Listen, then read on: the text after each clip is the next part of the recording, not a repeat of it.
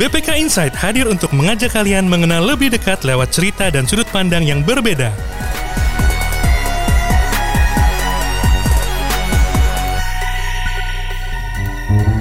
Selamat pagi, sobat pembelajar BPK Korpu.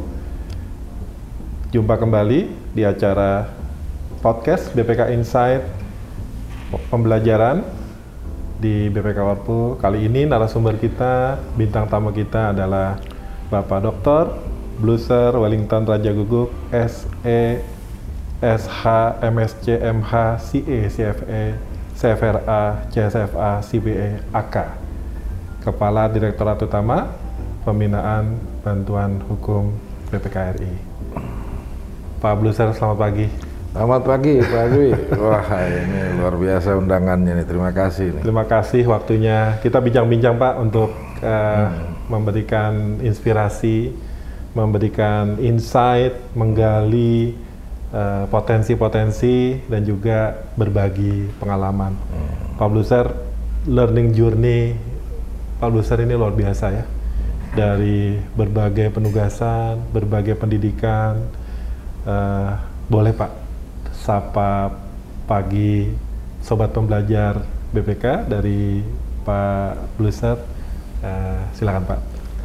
Terima kasih Pak Dwi. Selamat pagi sobat pembelajar. Ini satu hal yang saya kira perlu kita dukung dan kita pertahankan ya saya kira kita semua tidak terkecuali memang harus eh, belajar ya meningkatkan kemampuan dan kompetensi kita masing-masing. Ya, saya menyambut baik acara yang diinisiasi oleh Badan Diklat BPK ini.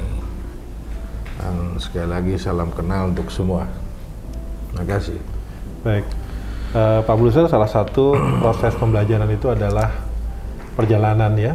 Uh, Pak Bluser bisa cerita nih bagaimana uh, mulai dari awal ya, uh, hmm. baik dalam uh, kegiatan maupun uh, studi gitu ya, dan hmm. masa kecil dan uh, sobat pembelajar ingin mengenal lebih dekat Pak Bluser. Ya, terima kasih Pak Dwi. Jadi saya ini lahir di Tanjung Pinang ya, 20 Oktober 1968, ya, 53 tahun yang lalu lebih.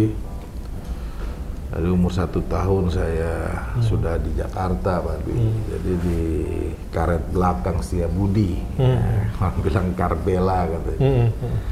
Saya dari TK, SD, SMP saya di Sumbangsi, kemudian SMA di SMA 3 Jakarta. Hmm. Jadi memang hampir seluruh remaja saya itu habis di Setiabudi. Hmm. Dan memang sejak awal uh, orang tua itu mendorong betul peningkatan diri. Jadi hmm. kita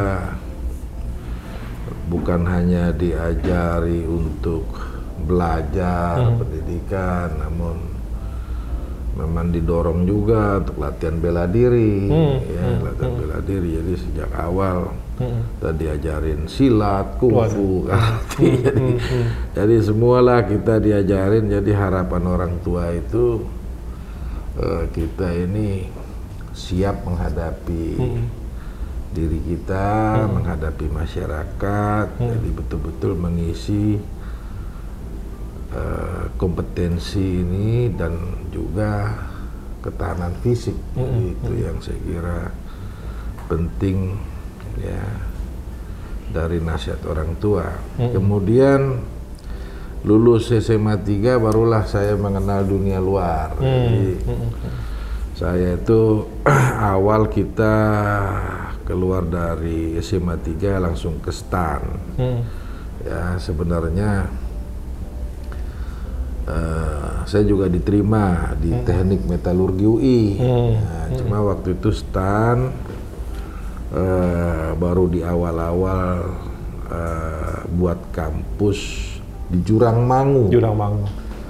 Ya sedangkan UI itu baru juga buat di Depok. Di Depok. Nah, jadi akhirnya saya sempat ikut ya daftar juga di UI karena sudah duluan juga daftar di STAN, coba dua tempat nggak bisa, Hmm.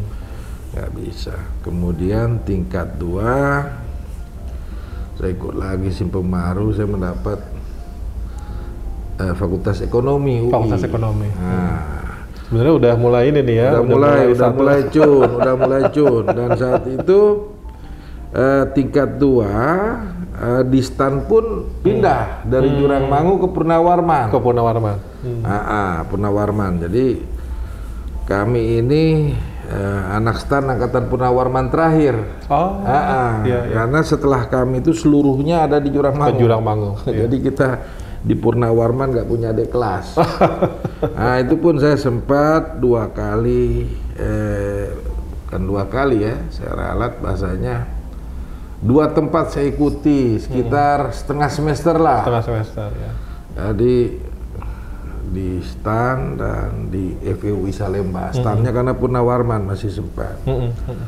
Nah, tiba-tiba waktu itu entah bagaimana eh, ada larangan nggak boleh ambil dua. Kalau saya apa dicopot katanya di istana karena itu saya tinggal, saya tinggal lah yang di UI. Yang di UI. Sampai selesai saya di stan, nah karena penasaran dua kali D- dua kali DO berarti dari UI, metalurgi dan FE. Akhirnya saya ikut lagi extension UI. Hmm. 91, nah baru lulus 95 di Kak, FE. ini dari segi waktu masih bisa ya kalau extension kan. Masih bisa. Jadi memang betul-betul pagi karena kita waktu itu angkatan kedua stand di BPK tentu pekerjaan kita dulu sangat overload ya sebenarnya karena hanya beberapa orang yang eh, mampu mengoperasikan komputer. Mm-mm, mm-mm. ya saya ingat sekali waktu itu saya senior saya yang duluan itu Pak Nyoman Pak Lode nah, kemudian saya dengan Pak ada almarhum Wayan. Mm-mm, mm-mm. ya jadi empat aja kami yang ngerjain banyak hal-hal yang sifatnya komputer. Waktu itu namanya eh, subauditorat I3 I3. Nah, I3 jadi membawahi BUMN industri strategis Mm-mm. maupun non strategis dulu. Jadi seluruh BUMN industri jadi dari pupuk, baja, semen ya. Itulah awal-awal kami eh, saya ada di BPK. Eh, kemudian eh, kurang lebih tahun 94 kita mulai ada tes-tes ya untuk luar negeri ya. Waktu itu bersama BPKP kami dites.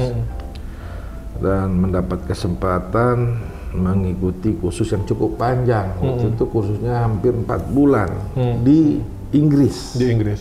Di Inggris. Jadi eh, Short course ya? Semacam short course ya, short course ya. Jadi ada di London kita satu setengah bulan. Kemudian eh, saya ditugaskan waktu itu oleh eh, LCP namanya ya. Jadi satu satu satu lembaga model chartered accountant lah di Inggris yang memang juga eh, bekerja sama dengan NAO National Audit Office-nya UK ya United Kingdom. Kemudian saya ditugaskan di audit group PLC di daerah kecil namanya Worthington. Hmm. Worthington waktu itu.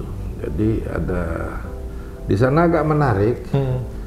karena audit PLC grupnya ini bis bukan saja menangani pemerintah, Hmm. Tapi juga menangani swasta. Swasta juga ya. Jadi memang lucu ya artinya.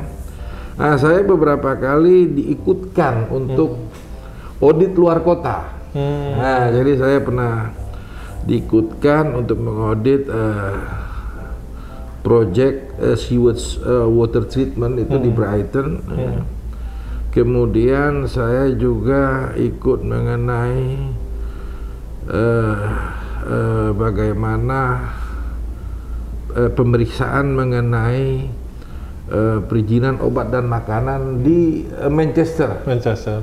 Ah, Manchester ya kebetulan di sana masih inget ya MU, MCT masih top-topnya bangga juga kita. Audit semacam BPOM ya Badan Pengawasan Obat Makanan. Kalau di Amerika FDA ya, FDA ya. Food Drug Association. Namun ini setingkat kota, Kota. Hmm. ya Manchester. Nah itu. Jadi kalau dari learning journey-nya nih Pak Blusar rupanya memang dari awal ya untuk eh, memulai tadi ya.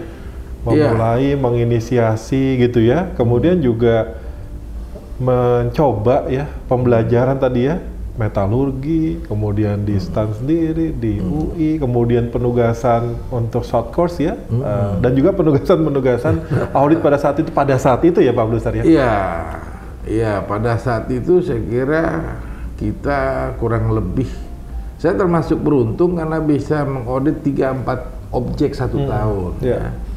Jadi hampir semua jenis industri udah pernah saya audit Mm-mm. Dari pabrik baja, pabrik pupuk, Mhm. pabrik semen, Mhm. kemudian eh, BPS ya dari Inka dulu industri kereta api di Madiun, kemudian LEN, Mhm. Mhm. ya lembaga elektronik nasional ya di Bandung. Mhm. Eh, hampir-hampir eh, saya kira saya sangat beruntung Mhm. eh, mempelajari hampir seluruh BUMN industri saat itu. iya. Dari pengalaman saat itu eh, pada saat dari studi, kemudian eh, awal penugasan di BPK, kemudian melihat perspektif internasional, Hmm. apa yang menarik itu Pak Blister? Eh, dari terutama perspektif eh, internasional dan eh, pengalaman awal di BPK pada saat itu ya. Ya, jadi begini, memang waktu awal-awal ya kita hanya memahami eh, kalau dari sekolah ini kan textbooknya rata-rata audit laporan keuangan. Hmm. Nah, waktu kita mulai belajar, kita diajari waktu itu oleh BPKP yang disebut audit operasional. Hmm. Hmm. Ya, kemudian saat kita mengaudit sendiri di BPK saat itu, yang dikenal adalah namanya VIRA. Financial Related Audit. Hmm. Nah ini mirip PDTT saat ini lah. Hmm, iya, iya. Ya. Jadi secara international practice memang itu juga di Oh iya, betul. Secara internal practice kita kan waktu itu pakai yellow booknya GAU sebenarnya yellow booknya GAU. Ya namun eh, berkembang. Jadi waktu saya kursus kemarin di waktu di Inggris 94 itu kita diperkenalkan yang namanya value for money audit.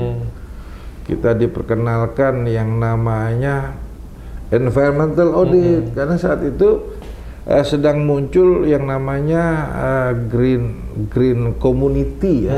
Jadi komunitas hijau artinya komunitas orang-orang yang menginginkan eh, lingkungan menjadi perhatian. Dan kita sebagai pionir ya Pak Blusar ya pada saat itu BPK yang tadi ya soal IT audit ya kemudian performance, operasional, betul, Vira. betul, betul. Di antaranya kita juga memang di antara masa-masa itu kita juga mendapatkan, saya kira beberapa teman kita mendapatkan, termasuk saya, Hmm. eh, electronic data processing audit dulu, Hmm, EDP ya? EDP, EDP audit. Jadi yang yang pada pada prinsipnya sebenarnya mengaudit hal yang yang secara konseptual masih relevan. Betul. Misalkan dulu tuh bahasanya dua hal yang utama dalam electronic data processing audit. Itu pertama itu adalah bagaimana general auditnya. Hmm. Jadi general audit ini lebih ke arah prosedural, awal seperti apa. Jadi udah beyond laporan keuangan ya. Udah beyond laporan keuangan dan bahkan ada yang namanya eh substantif audit. Jadi bagaimana orang memprogram itu. Hmm. Jadi banyak juga jadi selain general control ada substantif control. Jadi general control ini ya kita lihat hardware-nya. Ada yang eh, mudah masuk nggak, password diatur nggak, akses di leveling nggak, kayak gitu. Tapi kalau substantif itu nakal nggak di dalam eh, pembuatan programnya? Hmm. Hmm. Kan pernah terjadi dulu.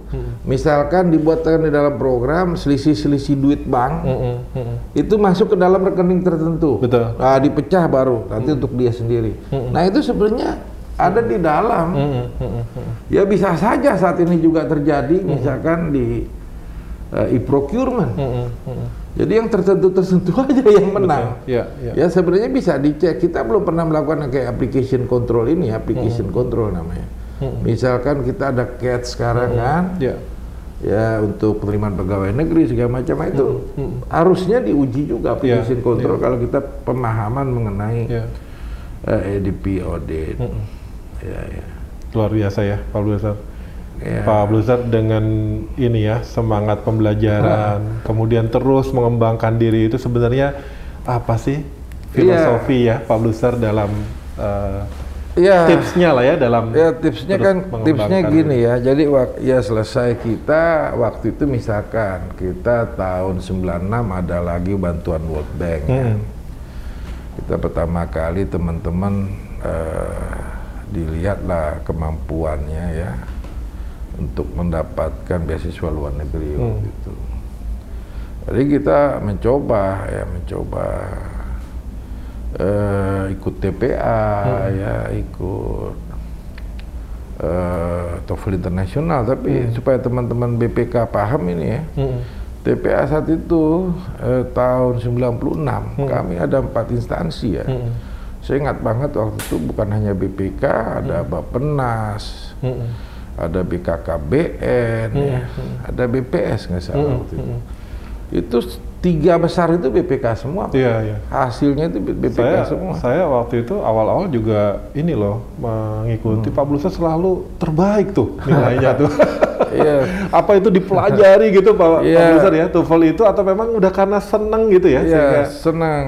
Jadi saya hobi. Jadi dari dari SD, SMP saya hobi matematik. Oh, Makanya oke. waktu di SMA kan SMA 3 kita yang di diminta sekolah mewakili sekolah ya kalau ada ada Kompetisi lo- gitu ada ya. kompetisi model matematik, kimia, fisika.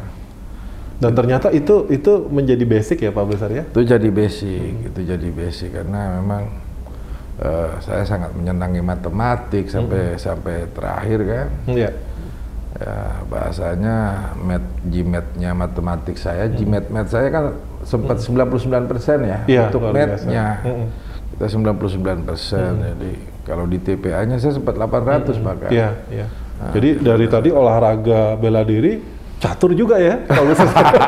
Ada tadi Catur, banyak iya, banyak iya, banyak iya. tadi ya melatih melatih ya. Iya, iya, saya melatih melatih diri terus. Misalkan kita pas lagi, saya kan akhirnya kita ditugaskannya di Syracuse University. Mhm. Nah, Syracuse ini karakteristiknya 9 bulan dingin, Pak Pak Dwi. 9 bulan dingin, hanya tiga bulan hangat sehingga kita memilih olahraganya mesti yang indoor. Oh, Oke. Hmm. Nah, karena itu saya sempat eh, supaya badan agak berkeringat sedikit, saya berlatih biliar. Oke. Hmm. Saya berlatih biliar. ya. Itu perhitungan fisika juga tuh Pak ya, ya biliar ini biliar ini kan sebenarnya kombinasi ketenangan hati, kemudian eh, keselarasan eh, gerakan tangan Iya. dengan tenaga. Saya coba pelajari-pelajari ya syukur waktu itu eh, kita masuk 98 kan di Syracuse. Nah, setelah setahun saya udah mau selesai itu. Saya termasuk agak cepat waktu itu Syracuse ya teman-teman dua tahun kita selesai setahun setengah. Hmm. Eh, 99 itu ada ada pertandingan eh, antar universitas di New York. Hmm. Nah, pertama di Syracuse sendiri kita juara satu. Iya. Terus eh, university di New York. Mhm. Nah, kita tanding, kita juga juara satu saya. Luar biasa. Ini ini prestasi nih ya Ya. mewakili kampus. Kemudian eh, antar state, jadi state New York semua digabung kita ada pertandingan di Tennessee. Ini namanya ACUI. Ah, kita ranking satu. Jadi kalau teman-teman buka buka di Google itu ACI eh, ACUI Champion ya, Ya. ACUI ACUI Champion eh, itu uh, Cui Champion ini adalah pertandingan untuk seluruh olahraga Mhm. di luar basket. Kalau basket itu di Amerika di NCAA namanya. Nah, tapi kalau di luar basket ada catur, tenis meja, apa termasuk biliar itu di ACUI. Uh, untuk khusus ACUI ini yang khusus biliar ini dari tahun 37, Pak. 37. sampai tahun ini ada. Oke. Nah ini syukurnya tahun 99 kita bisa juara mewakili Syracuse dan saya kira mungkin kita satu-satunya yang orang non Amerika yang juara. Ya, luar biasa. Ah, dari tahun 37 sampai sekarang. Ini ini saya cuma apa eh, memberi semangat kepada teman-teman. Ternyata pada saat kita belajar serius ya atau mendalami sesuatu serius itu mampu kita menang. Mungkin kalau saya juara silat di Amerika nggak bangga karena Amerika bukan main silat ya, Iya, main tinju. Iya, iya. Tapi kalau teman-teman ke Amerika yang namanya biliar itu satu kilometer ada mejanya Mm-mm, betul. dan di setiap kampus ada dan kita mengalahkan mereka. Ini sama aja menaklukkan Amerika nih. Jadi jadi ada ada ada rasa bangga saya karena saya mengalahkan eh, teman-teman mahasiswa Amerika itu di permainannya sendiri. Jadi ada semacam kebanggaan dan ini tidak mengganggu sekolah karena sekolah saya sendiri yang harusnya dua tahun saya pun selesaikan setahun setengah. Satu tahun setengah. Ya, jadi saya lebih cepat dari teman-teman yang lain. Kita pulang duluan. Teman-teman masih ada. Jadi kalau ada yang bilang, wah Pak Bruser ini main biliar mana? Jangan-jangan ngorban. Ah, enggak juga. jadi saya kebetulan ya bukan cuma biliarnya tapi sekolahnya duluan. Nah ini ini sebenarnya setelah saya banyak mendapatkan pengajaran dari eh, baik UI ya selain dari STAN itu UI kemudian dari Amerika saya tahu akhirnya bahwa saya harus mengembangkan diri dan ini harus Ini kata kuncinya ya Pak Blister ya kata Mengembangkan kuncinya. diri. kita harus belajar terus menerus nggak bisa. Nah itu balik dari situ saya belajar segala macam. Saya belajar eh, hukum saya bahkan waktu itu kan lucu sudah D3 akuntansi S1-nya manajemen kan Manajemen, di UI. ya. Nah, S2-nya akuntansi di Syracuse. Itu mau ngambil akuntan nggak bisa. Jadi harus ngambil lagi sarjana akuntansi. Sarjana akuntansi. Ambil lagi yang lain-lain PPAK. Tetap diikuti ya, Pak Blusa? Saya ikuti semua. saya ikuti semua. Jadi Karena saya ikuti. mekanismenya seperti itu ya. Iya, jadi kita saya apa yang sudah diatur saya ikuti, saya patuhi. Ya udah, ambil sarjana hukum ya. Terus kemudian eh, ambil lagi S3 kan? Iya. Ah, S3 selesai saya sarjana hukum. Ah, kurang lebih eh, polanya seperti itu terus sertifikasi saya sesuaikan. Jadi misalkan ada harus di, eh, akuntan kita harus perlu CA kita main CA. Kemudian eh, waktu itu oh, investigasi lagi banyak Investigasi. ya. Coba saya ambil apa itu CFA, saya ambil CFA ya. Nah, CFA saya ambil itu. Saya kebetulan dapat voucher 200 dolar itu dari dari ACFA ya.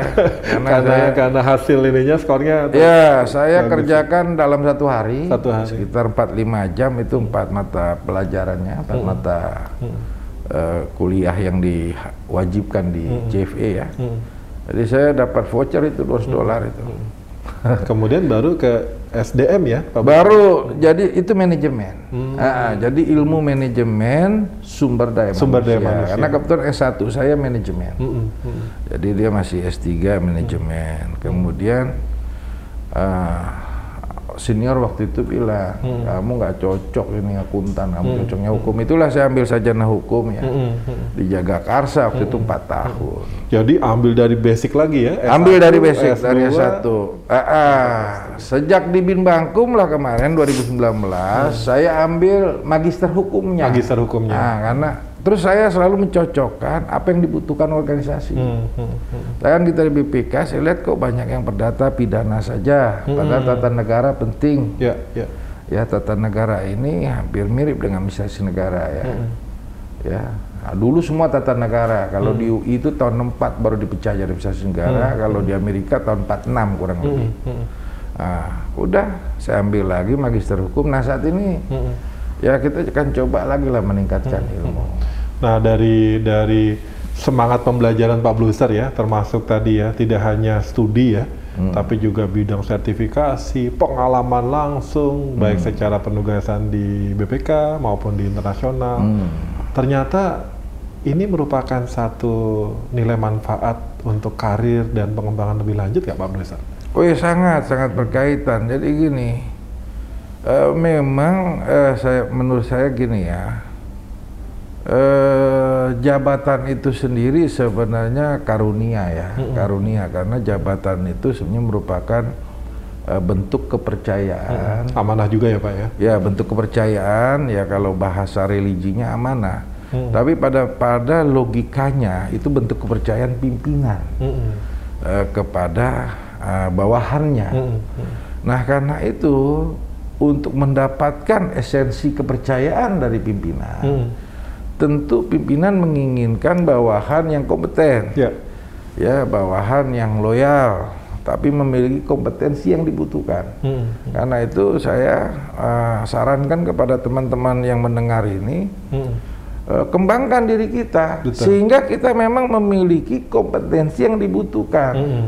Ah, waktu itu karena saya nggak tahu Mm-mm. kompetensi apa yang dibutuhkan dari saya, ya saya pelajari aja semua. Mm. Ya, ya, saya ya. pelajari aja. Iya, iya. Jadi manajemen saya pelajari, Iya, dasar saya iya. akuntansi saya Ya. pelajari. Pasti ini akan dibutuhkan gitu Pasti ya, akan ya? dibutuhkan, hukum dipelajari. Nah itu kalau apa teman-teman, wah ini kok anak stan jadi ditambah hukum ini. Mm-mm, betul. Ah, untuk saya pelajari dulu.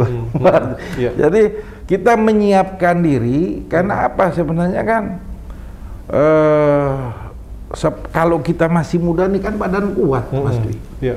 Badan kuat. Saya bahasanya dulu kalau kalau lagi eh, sekolah, kuliah ya atau apa kerja sekolah ya, kerja kuliah, kerja kuliah. Itu sampai saya minta sama badan saya kalau sakit jangan pas mau ujian. Hmm. Sakitnya habis ujian aja Iya, gitu loh. iya, Jadi, iya. Tolong kau sakit uj- habis ujian. Dan itu lucu juga, nurut juga badan itu. Mm-mm. Mm-mm. Memang kan capek ya. Kayak Mestakung ya, semesta mendukung ya. Ah, semesta mendukung. Dia semesta mendukung. Jadi eh, anak-anak muda ini nggak boleh patah Iya. semangat. Nggak Berarti boleh. sobat pembelajar ini harusnya bisa lebih adik-adik kita ya, generasi Iya, muda iya. BPK bisa lebih punya spirit untuk Lebih punya sana. spirit, misalkan ya kita dari Adum dulu ya, di Klatim 4 saya Iya. ikuti, di Klatim 3 saya ikuti, di Klatim 2 saya ikuti. Iya. Baru eh, 2011 tuh PIM 2 ya. Iya. Eh, PIM 3 tuh 2006. Kemudian di Klatim 1 saya ikuti juga. Mm. Di Klatim 1 eh, Lemhanas dulu 2014. Kemudian baru di Klatim 1 saya Mm. Ikuti 2017. Iya. Jadi hampir semua diklat Mm-mm. yang dibutuhkan oleh organisasi Iya. itu saya jalankan. Dan ini sejalan dengan filosofi pendidikan pembelajaran di organisasi Pak Blusar ya. Iya. Pastinya ada knowledge-nya, ada sertifikasi kualifikasi kan gitu ya, dan Betul, ada betul. pengalaman. Dan ternyata memang ini dipadukan semua ya Pak. Betul, dia sangat penting gini loh. Jadi pada saat kita mengikuti diklat tim, Mm. kita bukan hanya untuk membangun diri kita sendiri semata, tapi kita saling tukar pikiran dengan Mm-mm. teman-teman birokrasi yang lain. Betul. Ya. Jadi kurang lebih kan kalau PIM 2, PIM 1 itu 60 orang, kalau Betul. PIM 1 30 ya. hmm. Tapi kita bisa bertukar pikiran Hmm, dengan pemimpin-pemimpin birokrasi tempat yang lain. Mm-mm. Nah kalau Lemhanas beda lagi dia, bukan saja birokrasi sipil, dia ada birokrasi militer. Mm, mm. Ya separuh itu militer, baik militer dalam negeri maupun luar negeri, pak. Ya. Mm. Ya, dan juga ada unsur masyarakat, bisa politisi, bisa paguyuban, eh, golongan ataupun agama tertentu, Mm, mm. Ah, sehingga dia betul-betul eh, merupakan cerminan Mm. eh, masyarakat internasional, sebenarnya Internasional. Lemhanas Iya. itu. Iya, iya. Selalu eh, zaman saya itu ada delapan militer sipil internasional Mm-mm. dari Betul. delapan negara. Perspektif jadi sangat luas ya. Perspektif jadi sangat luas. Jadi perlu diingat Lemhanas itu kan yang bangun Bung Karno, Pak. Iya, iya. Nah, Bung Karno itu menginginkan ma- masyarakatnya, pemimpinnya itu eh, memperluas, Mm-mm. Ya bukan hanya nasionalisme, Mm-mm. tapi juga internasionalisme. Mm-mm. Mm-mm. Jadi bahasa beliau itu eh, internasio- eh, nasionalisme itu hanya taman yang indah, ya tamannya ya internasionalisme itu. Internasional. Jadi ini apa gitu bunga-bunganya walaupun kita harus menanamkan eh, rasa kebanggaan terhadap Iya. negara yang kita sebut nasionalisme. Dan kepemimpinan itu memang levelnya adalah sampai di tingkat itu ya Pak Besar? Harus, kita kan harus paham misalkan alinea 4 ya. Iya. Kita kalau di ada di birokrasi apalagi rakyat ini paham alinea 4 pembukaan Undang-Undang Dasar Negara Republik Indonesia ya tahun 45 ini karena alinea 4 bicara tujuan negara. Tujuan negara misalkan ini sangat-sangat penting sebagai pondasi kita. Hmm. Ya pertama kita diminta melindungi segenap bangsa dan seluruh tumpah darah, Pak. Ini kan masih dalam negeri. Iya. Kemudian memajukan kesejahteraan umum. Hmm. Karena itu ya apa pun yang kita lakukan, termasuk bantu rakyat miskin itu kan dua ini. Iya. Yang ketiga mencerdaskan kehidupan bangsa. Iya. Iya. Nah ini juga yang tadi kita Iya. tuju. Jadi Iya. jangan hanya tergantung pemerintah, kita sendiri juga Iya. mencerdaskan. Iya. Iya. Karena kita Iya. kan juga mencerdaskan Iya. eh, apa ya tempat sekitar kita, Betul, keluarga, iya, lingkungan, tetangga, iya. lingkungan kerja dan segala macam. Iya, iya. Nah, tiga hal ini selesai, baru ikut melaksanakan ketertiban dunia. Ketertiban dunia. Ya kan berdasarkan kemerdekaan, perdamaian abadi dan keadilan sosial. Jadi tiga ini penting sekali untuk siap Mm-mm. ya masuk ke dunia internasional.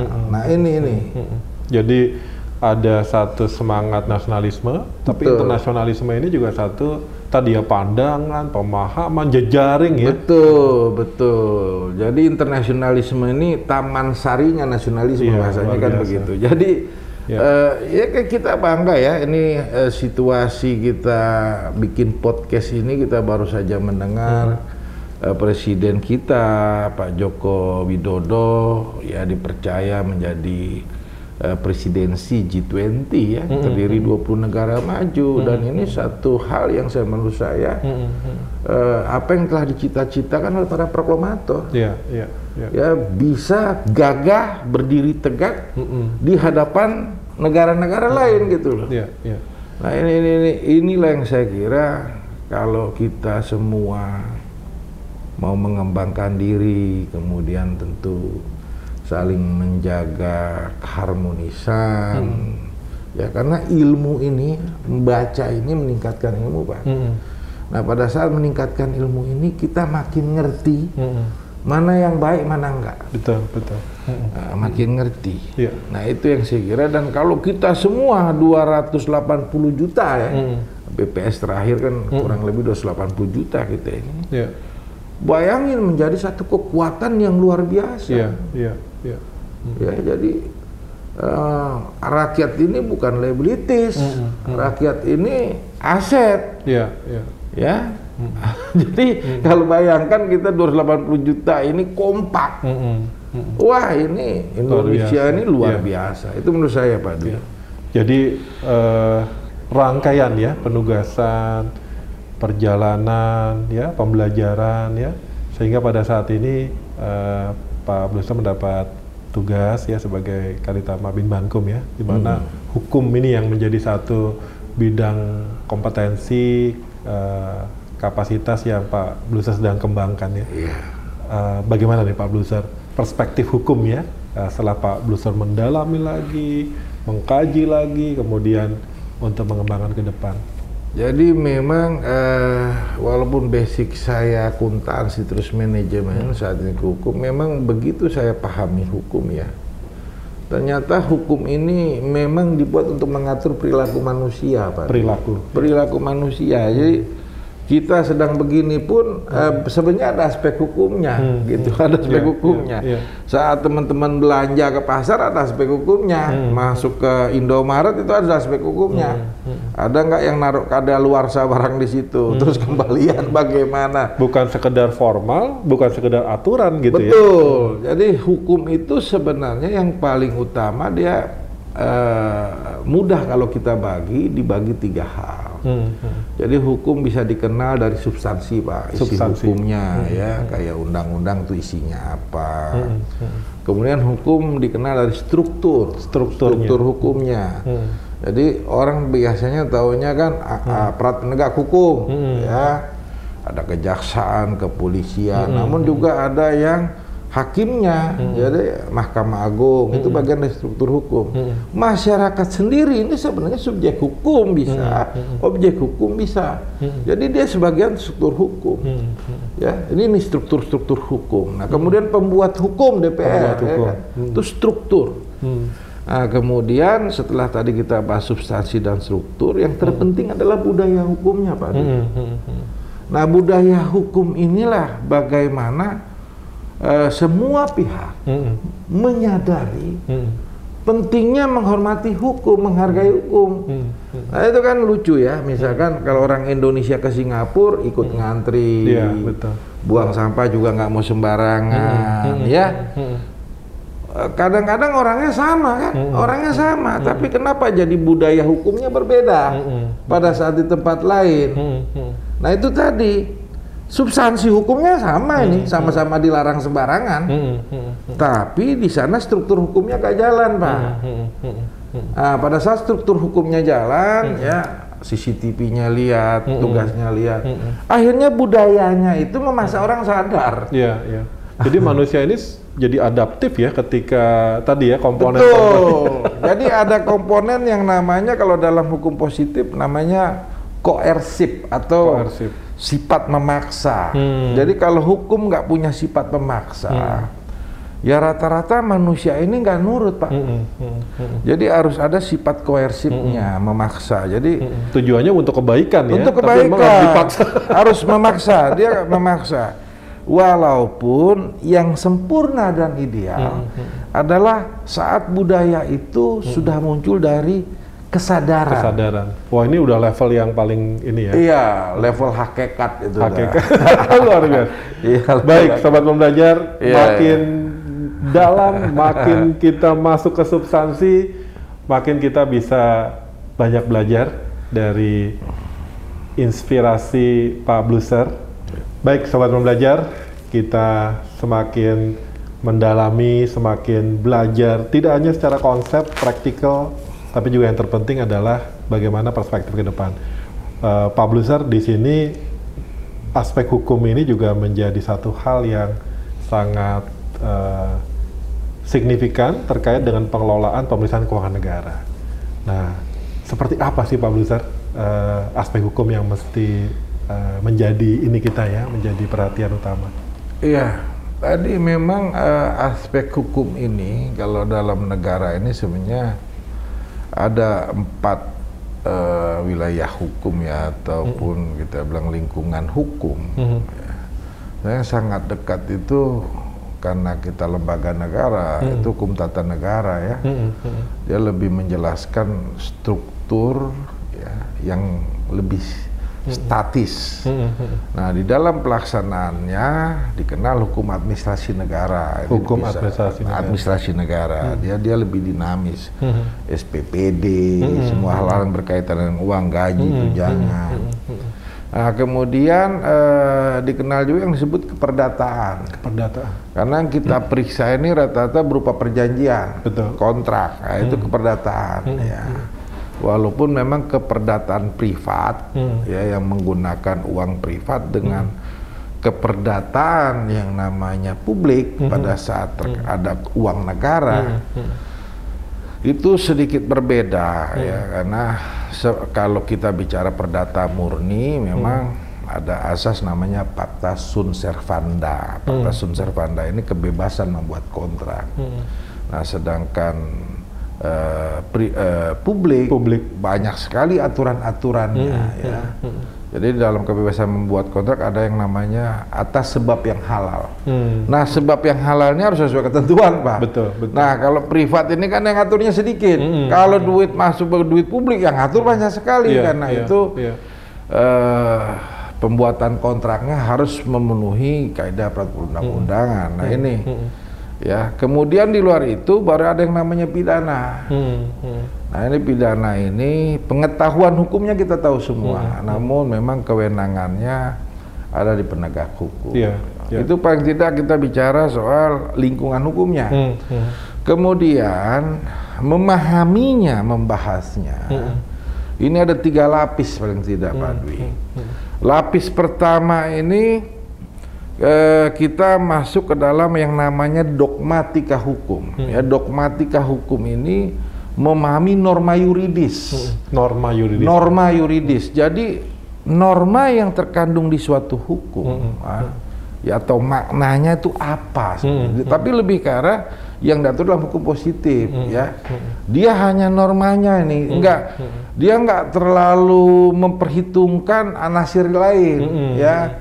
Eh, bagaimana praktek segala macam. Nah, lapis keduanya ini yang disebut memahami teori hukum. Teori hukumnya. Nah, teori hukum ini dibangun dari mana? Yang namanya yuridis empiris, Pak. Yuridis Jadi empiris. ah, pada saat kita melakukan sesuatu yang baru, ya tiba-tiba eh, dulu nggak ada IT kan? Mm-mm, mm. Tiba-tiba orang main IT, tiba-tiba orang main handphone. Ah, muncullah kaki. Loh, ini norma hukum yang lama nggak ketahuan lagi nih. Mm. Ada yang baru. Ada perubahan. Nah, muncullah satu perubahan teori hukum. Nah, artinya masuk ke wilayah yuridis empiris. Oh, dinamisnya di sini. ya? Dinamisnya di situ. Iya, Kenapa hukum itu selalu mengikuti dinamika masyarakat, Pak. Mm, luar biasa. Selalu mengikuti dinamika teknologi. Mm-mm. Nah, baru di atas ini ya, setelah kita memahami dogmatika hukum, teori hukum dari norma yuridis, kemudian yuridis empiris, kita baru lapis tiganya kita memahami filosofi hukum. Luar biasa. Nah, apa yang dimaksud dalam filosofi hukum di sini adalah kita memahami keseluruhan teori-teori, ya. Terus kita harus paham sebenarnya maknanya apa, epistemologinya apa, ya hakikatnya apa. Itu ada bahasanya ontologi, aksiologi, epistemologi. Jadi ini terkoneksi semua Pak Bruce? Terkoneksi. Filosofi, kemudian norma dan secara Betul. teori, ya. Jadi ini kan norma ini yang udah ada, Pak. Mm-mm. Masuk ke teori ini dia berkembang ada empirisnya. betul. Nah, ke filosofis ini pilihannya. Hmm, hmm, hmm. Jadi kalau setelah kita tahu filosofinya, Hmm. sehingga kita harus membuat pilihan-pilihan dari berbagai teori ini. Ini bisa untuk pegangan ya nanti. Pegangan, contoh misalkan kayak kemarin kita udah kebingungan terlalu banyak Hmm, hmm, regulasi, akhirnya kita coba bikin omnibus law. hmm, hmm. Ya. Omnibus law ini kan 11 klaster dicampur. Mm-mm. Ini pilihan, Pak. Hmm, hmm. Ini kalau bikin satu satu satu satu nggak nyambung nyambung, terjadi disharmoni Mm-mm. antar hukum. Iya. Kalau gitu bikin deh satu hukum aja yang menyangkut 11 klaster. Hmm, hmm. Nah itu adalah eh, dalam satu pilihan filosofis hukum itu benar karena ini adalah pilihan-pilihan hukum. Hmm, hmm, hmm. Nah, kembali lagi eh, kami orang hukum nih sangat memahami yang namanya eh, teori Hans Kelsen, Pak. Jadi teori Hans Kelsen gini loh. Eh, hukum yang lebih tinggi itu selalu menjadi acuan untuk hukum yang lebih rendah. Hmm. Jadi kayak kita di sini punya konstitusi yang namanya Undang-Undang Dasar Negara Republik Indonesia. Ini fondasinya nih ya. Itu pondis, pondasinya, bahasa kita grunomnya. Grunomnya. Grunomnya ya, norma dasar. Hmm, hmm. Ya norma ini nggak boleh bawahnya itu merubah bikin norma baru. Tiba-tiba buat segala aturan yang Ya contohnya norma kita dasar. norma dasar kita ini kan Undang-Undang Dasar 45 di dalamnya ada Pancasila. Betul. Tiba-tiba di sini mau bikin PKI atau mau bikin eh, rasis yang lain. Ini nggak bisa. Hmm, Norma kita sudah disepakati. Jadi konstitusi atau grunom ini sebenarnya konsensus. Hmm, Ya, konsensus siapa? Kesepakatan para founding father Hmm, hmm, hmm. yang kemudian Hmm, ditulis bareng nih hmm. dan dijadikan Hmm. pondasi written konstitusi. Berarti eh, hukum positif itu di sini ya Pak Blister ya? Di sini jadi Letaknya. hukum positif itu jadi gini ya di dalam pemahaman hukum. Hmm. Awal dulu semua manusia ini mengenal yang namanya hukum alam atau natural law Hmm. atau yang disebut hukum kodrati. Mm-mm. Boleh nggak boleh? Boleh ya melanggar, misalkan dulu ya orang-orang apalah kita bicara orang-orang purba Mm-mm. ya orang-orang purba itu eh, tanpa sadar setelah mereka mereka merasa ada yang lebih tinggi dari dia pak Mm-mm. wah siapa yang lebih tinggi ya akhirnya ada dia se- sembahlah matahari Hmm. dia sembahlah pohon Hmm. dia sembahlah goa mulailah bikin tataran-tataran seperti itu Mm-mm. Ya ini ini menurut Hans Kelsen memang manusia itu ya setelah diteliti cuma tiga macam pak. Manusia yang pesimis, manusia yang optimis, dan manusia yang kompromis. Setelah dia melihat, wah kalau rendah diri aja nggak bisa, kalau terlalu yakin nggak bisa, udah cari tengah-tengah. Nah karena itu, itu itu sebenarnya pemahamannya. Kenapa muncullah hukum positif? Karena hukum alam, hukum kodrati ini kan berbeda-beda nih. Betul, betul. Si A bilang, oh menurut saya kodratinya begini, menurut ini begini, kan lain-lain nih. Kadang Ah. kelompok masyarakat satu dengan yang lain juga bisa. Bisa berbeda memahami sesuatu. Ada yang bilang satu, oh matahari yang betul. Ada yang bilang, oh enggak api yang betul. Eh, ini ini. Nah inilah akhirnya muncullah hukum positif. Oke. Namun ada beberapa hukum-hukum yang universal Hmm, ya. Ada beberapa hukum-hukum ilahi yang Hmm. universal misalkan ya ya orang didorong berbuat baik. Mm-mm. Orang didorong berbuat baik. Hmm, Nah karena itu hukum positif juga nggak boleh lari dari hukum ilahi. Mm-mm. Jangan sampai hukum positif mengajarkan Hmm. orang tidak berbuat baik gitu loh misalkan. Berarti ini merupakan satu solusi juga ketika menghadapi tadi aturan yang nggak sinkron ya, nggak Betul, sesuai gitu. ya. betul. Kembali ke hal yang dasar tadi. Hal yang dasar. Karena itu kalau bahasanya Hans Kelsen ya, Mm-mm. hukum positif yang baik itu saat dia Mm-mm. eh, memperhatikan hukum ilahi, Pak, Betul, hukum betul. kodrati. Mm-mm. Heeh. Itu baru adil. Iya. Bahasanya baru just atau fair. Iya, iya. Nah, tapi kalau tidak melihat atau tidak mempertimbangkan Mm-mm. hukum kodrati, maka hukum positif ini Mm-mm. eh, kurang bagus Iya, atau bahasanya unjust, Iya. tidak adil. dinamika ya hukum yang dinamis Hmm. ya kemudian tadi eh, beberapa hal eh, terkait norma teori gitu ya kemudian Hmm. juga bagaimana perkembangan di masyarakat ini rupanya ya Pak Bluser yang membuat Kaditama sebagai Kaditama bin Bahankum ini banyak melahirkan inovasi-inovasi nih Pak Bluser iya, iya, iya. bisa diceritakan Pak Bluser gimana Ya, sih jadi gini. ininya apa istilahnya Jadi gini. lahirnya inovasi-inovasi hukum Jadi ini lahirnya inovasi sebenarnya begini. Jadi kita setelah kita memahami, Mhm. ya, kita ini kan menganut civil law sebenarnya ya hukum Hmm. sipil yang dulu sebenarnya berasal dari Belanda dan Belanda sendiri belajar dari eh, Perancis. Hmm. Ya. Jadi nama asli dari hukum sipil kita ini dari Napoleon Civil Code, Pak. Napoleon Civil Code. Napoleon Civil Code namanya. Nah inilah. Kemudian sebenarnya sebelumnya lagi ada dari eh, Romawi, Ya. tapi yang lebih dekat ke kita tuh dari Napoleon, Napoleon Civil Code. Nah kalau di Amerika sendiri, di Inggris dia banyak menggunakan yang namanya common law. Hmm. Nah common law ini eh, memang hukum yang bukan terkodifikasi seperti kita pasal 1, pasal 2, pasal 3. Terstruktur ya. Eh, dia juga terstruktur, tapi dia nggak kodifikasi, pak. Oh. Misalkan kayak kita KUHP pasal 1 ayatnya, ada nggak? Terkodifikasi ya. Kalau kita terkodifikasi, eh, civil law itu karakteristiknya terkodifikasi. Ya. Kalau common law, dia putusan-putusan hakim sebelumnya. Hmm. Hmm. Ya, jadi jurisprudence dia, jadi teori hukum dia, ilmu hukum dia berasal dari putusan-putusan hakim sebelumnya. Hmm. Nah, jadi teorinya law itu berasal dari good faith, Pak. Hmm. Ah, misalkan kayak kita dulu kebingungan, ya kalau nyolong listrik kita bingung kan, yang dicolong mana barangnya, listriknya mana? Iya, iya. Nggak kelihatan, tapi truk nyetrum gitu loh. Tapi kalau lihat mana barangnya yang dicolong nggak ada. Hmm, betul, betul. Nah itu kan dulu muncul hal-hal seperti itu. Tapi kalau di common law langsung gampang. Hmm. Namun dalam perkembangannya eh, kita jadi melihat bahwa yang di civil law kita ingin lebih ke arah good faith, Hmm. kita ingin hakim ini bisa adil, Pak. Hmm. Jadi kan kita sering ribut tuh, kok nenek-nenek cuma nyolong nangka aja dihukum. Betul. Karena civil law Hmm.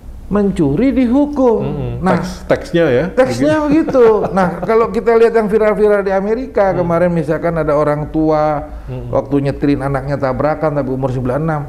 Seorang hakim bisa memutuskan Anda nggak bersalah. Hmm. Karena Anda mengurusi anak. Hmm. Saya jadi terenyuh, saya jadi pengen ngurusin anak saya. Hmm. Ini dibolehkan. Iya, iya. Ah, ini ini perbedaannya. Tapi satu saat di sini juga bisa terlalu kebablasan. Mereka common law ingin sedikit mengkodifikasi hal-hal yang umum. Hmm. Nah di sini terlalu ketat Hmm. sehingga mereka ingin memfleksibelkan. Kaku ya. Ah, kita sangat kaku sehingga jangan disalahkan Hmm. ya yang nyolong nangka, nyolong mangga, nenek-nenek, orang miskin sendal jepit kena. Hmm. Ah, karena nih hukum kita ini 1800-an, Pak. Hmm. Kita sekarang sudah Hmm. 2000 Hmm. ya. Hmm. Tahu ini ini ini harus dirubah. Itu a- apa pun ada tuh ya di kodifikasi itu ya. Semua dikodifikasi. Sehingga ada pemahaman kita adil itu jika diatur jangan Hmm. hukuman sesuai dengan apa yang telah ditulis gitu Iya, loh. iya, iya. Sedangkan di sana enggak, yang disebut adil itu harus dilihat dari hati. Hmm. Itikadnya gimana? Nah ini, nah inilah yang yang sebenarnya dijelaskan lah tadi ya oleh Ya. yang namanya eh, Lawrence Friedman, ya Lawrence Friedman dalam buku awalnya itu American Law dia menjelaskan yang disebut teori sistem hukum Hmm. Hmm. Yang ada tiga tadi substansi hukumnya sudah bagus enggak? Hmm. Ini bisa dibenerin pak kayak kita nih substansi Betul, hukum kita gimana, struktur hukum kita gimana? Hmm. Hmm. Ya tadi aparatnya, kemudian budaya hukum kita bagaimana? Hmm. Hmm. Tiga ini menentukan sekali. Hmm. Hmm. Nah kalau Roscoe Pound dia bilang begini ya, Hmm. Eh dia mengenalkan satu terminologi yang namanya social engineering, Hmm. Hmm. di mana hukum ini bisa mengatur perilaku manusia pak. Iya. Jadi hukum digunakan kita ingin merubah manusia ini seperti apa, Hmm. Hmm. Hmm. Hmm. ya. Hmm. Nah, ini ini penting sekali. Jadi ini ini terkenal dengan eh, teori yang disampaikan eh, eh, oleh beliau ya Hmm. Eh, bahwa eh, social engineering ini eh, sangat sangat efektif Hmm. Hmm. ya menjen- mengengineerkan atau merekayasa perilaku manusia Perilaku ya. melalui hukum. Pak. melalui hukum. Berarti ini salah satu apa ya dari refleksi dari pemahaman hukum yang kemudian diejawantahkan gitu ya Betul. di eh, Direktorat Utama ya Hmm. eh, pembinaan dan pengembangan hukum ya. Betul. Makanya eh, inovasi-inovasi yang Pak Bluser kembangkan ini dari layanan, dari perspektif kajian, dari internasional ya bisa di sharing tuh Pak Bluser. Iya. Apa sih yang mau dibangun ya di Direktorat? Jadi ini kan semua pimpinan juga memberikan arahan bahwa keinginan pimpinan dan organisasi ini semakin tinggi kan. Eh, jadi misalkan kayak urusan UJDH lah ya, urusan bagaimana kita menampilkan isi peraturan BPK. Uh, ini kan kita didorong banget ya, peningkat- Demikian banyak Waduh. ini ya. Hmm. Dulu banyak dan nggak nggak terlalu jelas. Sekarang kita sangat informatif pak. Oke. Eh, Jadi misalkan soal UJDH ini ya, Hmm. Eh, jaringan dokumentasi informasi hukum ini, Hmm. pembinanya ini kan BPHN-nya Kemen- Kemenkumham. Ya. Kita dua tahun terakhir ranking satu. Saya dengar ini nanti kita akan di apa mungkin Desember kita ranking satu lagi Iya, nasional iya, pak. iya. Dan kita sudah mengembangkan eh, teman-teman ya semua nih eh, kita harus solid memang Mm-mm.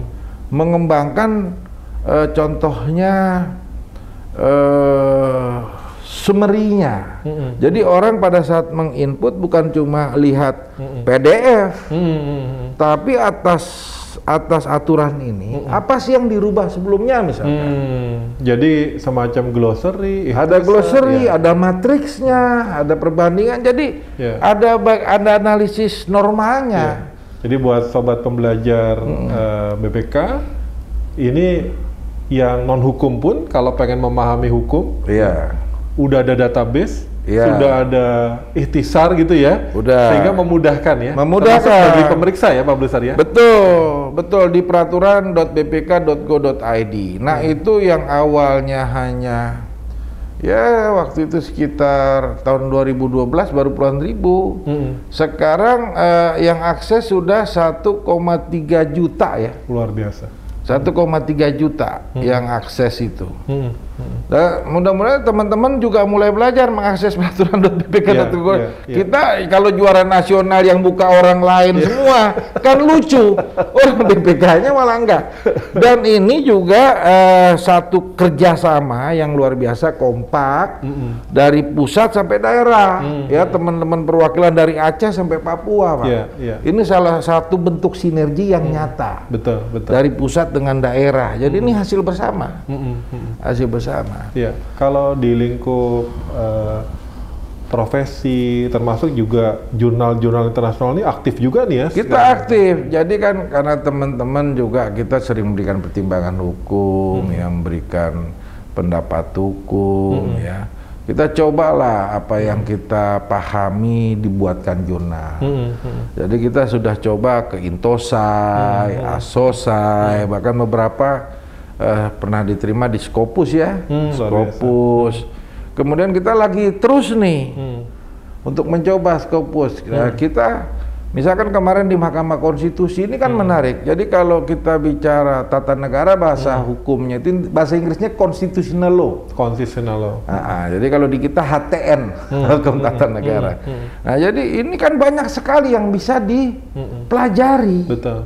yang bisa di eh, apa ya dipikirkan. Kayak sekarang, misalnya kedaruratan nih, non alam ini, ini kan banyak yang bergerak ini, Betul, betul. banyak yang berubah. Apa dampak-dampaknya? Mm-mm, mm-mm. Nah ini bagus. Ya. Jadi kayak kemarin kita memang soal eh, legal policy mengenai eh, Perpu nomor 1 2020 Pak Scopus kita. Mm-mm, mm-mm. Nah, jadi ini kita secara pribadi-pribadi kita sudah mulai hal-hal yang relevan. Mm-mm, mm-mm. Bukan yang cerita lama, justru Iya, kita ini ingin mengembangkan hal-hal yang baru ini loh, Yang baru, yang lagi iya. kita hadapi. Contoh lagi kayak Majelis Tuntutan Perbendaharaan, namanya saja kan Mm-mm, mm-mm. eh, kuno betul, tradisional kan, tradisional. karena memang itu dari IAR, dari BW. Nah sekarang kita sudah punya namanya sistem informasinya. Mm-mm, Jadi di digitalisasinya nih dibuat. mm-mm. Jadi teman-teman waktu mau MTP udah bisa akses. Mereka kan pimpinan aja nanti Tortama, Kalan. Dia sudah paham nanti Mm-mm. apa saja yang mau dimasukkan. Mm-mm, mm-mm. Ya terus eh, Bapak Ibu punya persoalan hukum di BPK, bisa juga langsung akses ke sistem manajemen hukum. Iya, iya. Sekarang bisa eh, Jadi semakin dekat ya, semakin dekat. memberikan pelayanan, digitalisasinya juga terus Betul. dibangun ya. Nah, hal-hal yang misalkan sangat krusial, Pak. Biasanya kita undang sampai tiga pihak. Hmm, Jadi kalau kita melihat ini sangat krusial, maka kami juga akan mengundang narasumber. Hmm, hmm, Jadi kita diskusi terbuka dan kita rekam. hmm, hmm, Jadi yang bertanya kita dengan narasumber ini berdiskusi terbuka hmm, hmm. dalam satu eh, forum digital. Ya, ya. Ini menarik sekali dan kita cepat masalah beginian kan eh, Termasuk juga yang terkait dengan Intosa ya. Eh, dengan Intosai termasuk kerjasama kemarin masalah hukum internasional kita udah mulai dilibatkan. luar biasa. Misalkan kalau kemarin Intosai ada semacam perseteruan ya antara mengenai ADART ini, Hmm, hmm. ya mengenai ASEAN Sai misalkan. Nah udah dan ternyata pendapat hukum kita didengar sama yang lain. Hmm, hmm. Ya. Ya, Lucu ya, Iya, iya. itu kan 10 negara. Ya. Ah, jadi ternyata karena kita coba belajar ya teman-teman ada di sini yang memang memahami bagaimana hukum internasional itu. Hmm. Ya memang kembali lagi eh, kita kompak, Hmm. masing-masing punya kelebihan, Hmm. masing-masing dimanfaatkan Hmm. dan masing-masing bersinergi. Ya. Hmm. Nah, jadi tidak ada kerja yang bisa diselesaikan Hmm. dengan sendiri, enggak. Iya. Dengan sendirian itu enggak ada. Hmm. Ya. Semua memang harus melalui suatu Hmm. eh, kumpulan, Hmm. ya, akumulasi eh, knowledge knowledge, Betul. akumulasi kompetensi-kompetensi yang diramu. Ya, berarti eh, dari substansi ya kemudian apa yang dikembangkan Iya, akhirnya kuncinya kembali ke sumber daya manusia ya Pak Buster ya. Iya. Sesuai dengan salah satu topik ya yang akan kita gali nih di eh, sesi berikutnya terkait dengan human capital. Eh, di sini ada dua aspek secara pendidikan formal dan pengembangan kompetensi. Betul. Nah, perspektif Pak Besar gimana nih terkait dengan pengembangan eh, pendidikan formalnya dulu? Ya, jadi gini, ini ini sangat benar ya. Jadi Hmm. kalau pendidikan formal, kalau saya kan menganut eh, setiap masalah yang kita hadapi tidak pernah bisa diselesaikan dengan single knowledge. Hmm. Nah, karena itu saya selalu mengacu ke situ. Masalah yang akan saya selesaikan itu biasanya knowledge apa. Nah, karena kita di BPK Harus punya ilmunya lah, punya ilmunya harus ada dulu. Ilmunya harus ada dulu sebagai eh, indikator ya. Kan ba- banyak hal ini sebenarnya masalah manajemen pak. Hmm, hmm, hmm. atau pemahaman akuntansinya. Dan yang sering persoalan hukumnya. Makanya tiga-tiganya saya pelajarin misalnya. Iya, iya, iya. ya karena saya tahu lah sering kali kan namanya audit kinerja itu karena manajemennya aja nggak betul. Hmm, hmm, hmm. kan gitu. Iya. atau dia nggak ngerti masalah hukumnya gitu loh. atau standar akuntansinya dia nggak paham Hmm, hmm. Nah itu. Jadi kalau menurut saya silakan. Jadi kalau teman-teman boleh nggak saya satu aja? Boleh.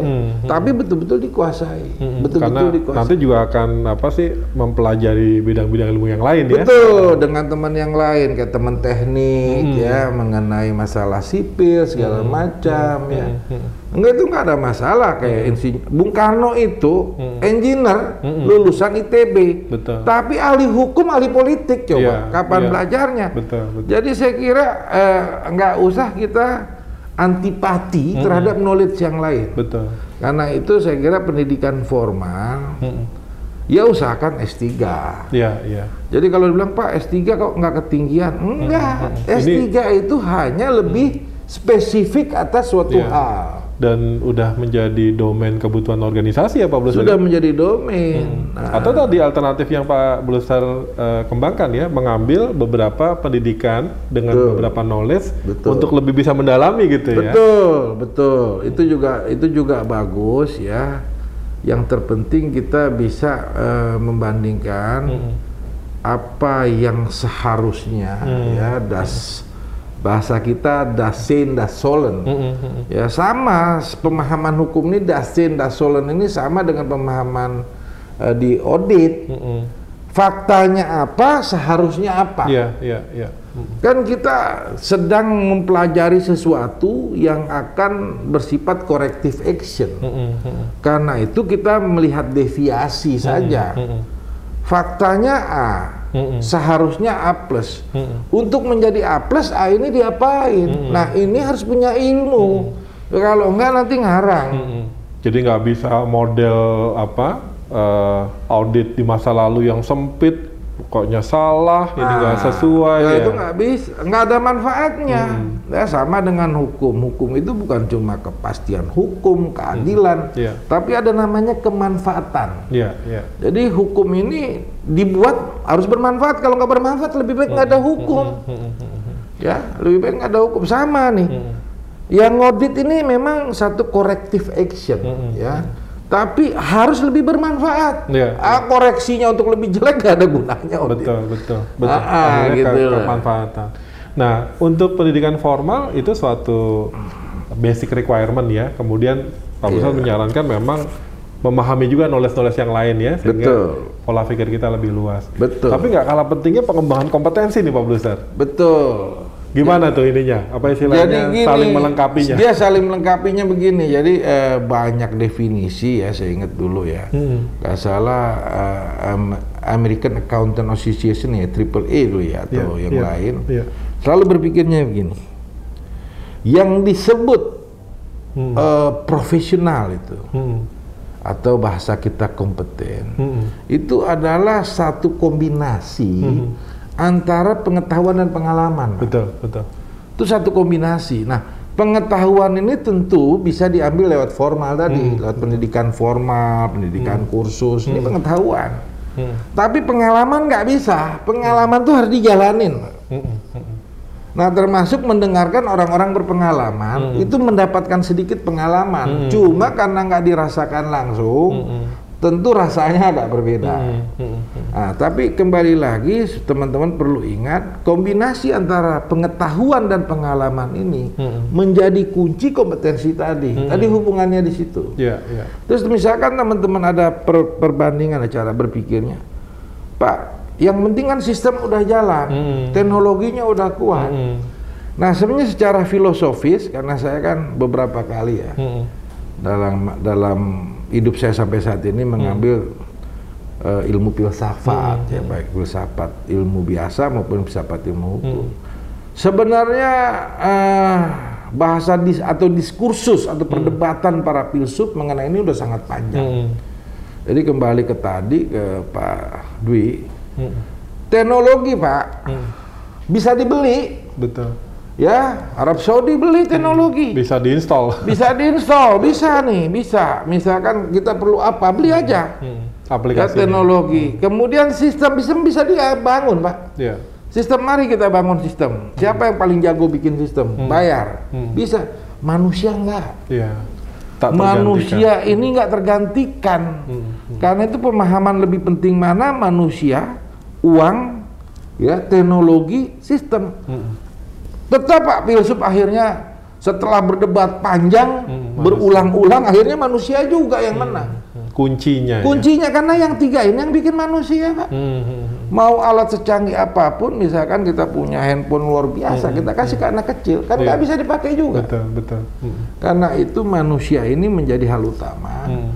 Dan untuk mengembangkan manusia menjadi lebih baik, jadilah manusia pembelajar. Hmm. Manusia pembelajar seperti apa? Belajar dari pengetahuan, baca. Hmm.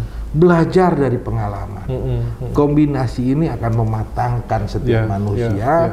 Kemudian pada saat manusia ini individu-individu berkelompok Mm-mm. menjadi kesatuan yang kuat, Mm-mm. maka dia menjadi masyarakat BPK yang kuat. Hmm. Nah, masyarakat Kol- kolektif BPK tadi ya, kolektif. learners ya. Learners. Nah, jadi jika BPK ini menjadi satu lembaga Hmm. yang menjadi panutan, Hmm, hmm, hmm. jadi panutan lembaga kementerian yang lain, ya tentu negara ini akan menjadi kuat. Itu loh cara betul, konsep. betul.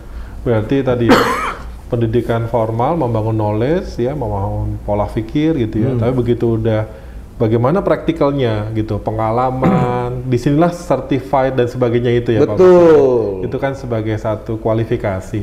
Tapi tanpa pengalaman, tanpa sharing dengan para praktisi, itu tidak akan berkembang. ya. Tidak akan berkembang. Contoh saya waktu sertifikasi CFA ya, ternyata ada pertanyaan yang secara pengalaman udah pernah saya Iya, iya. lakukan, Pak. Iya.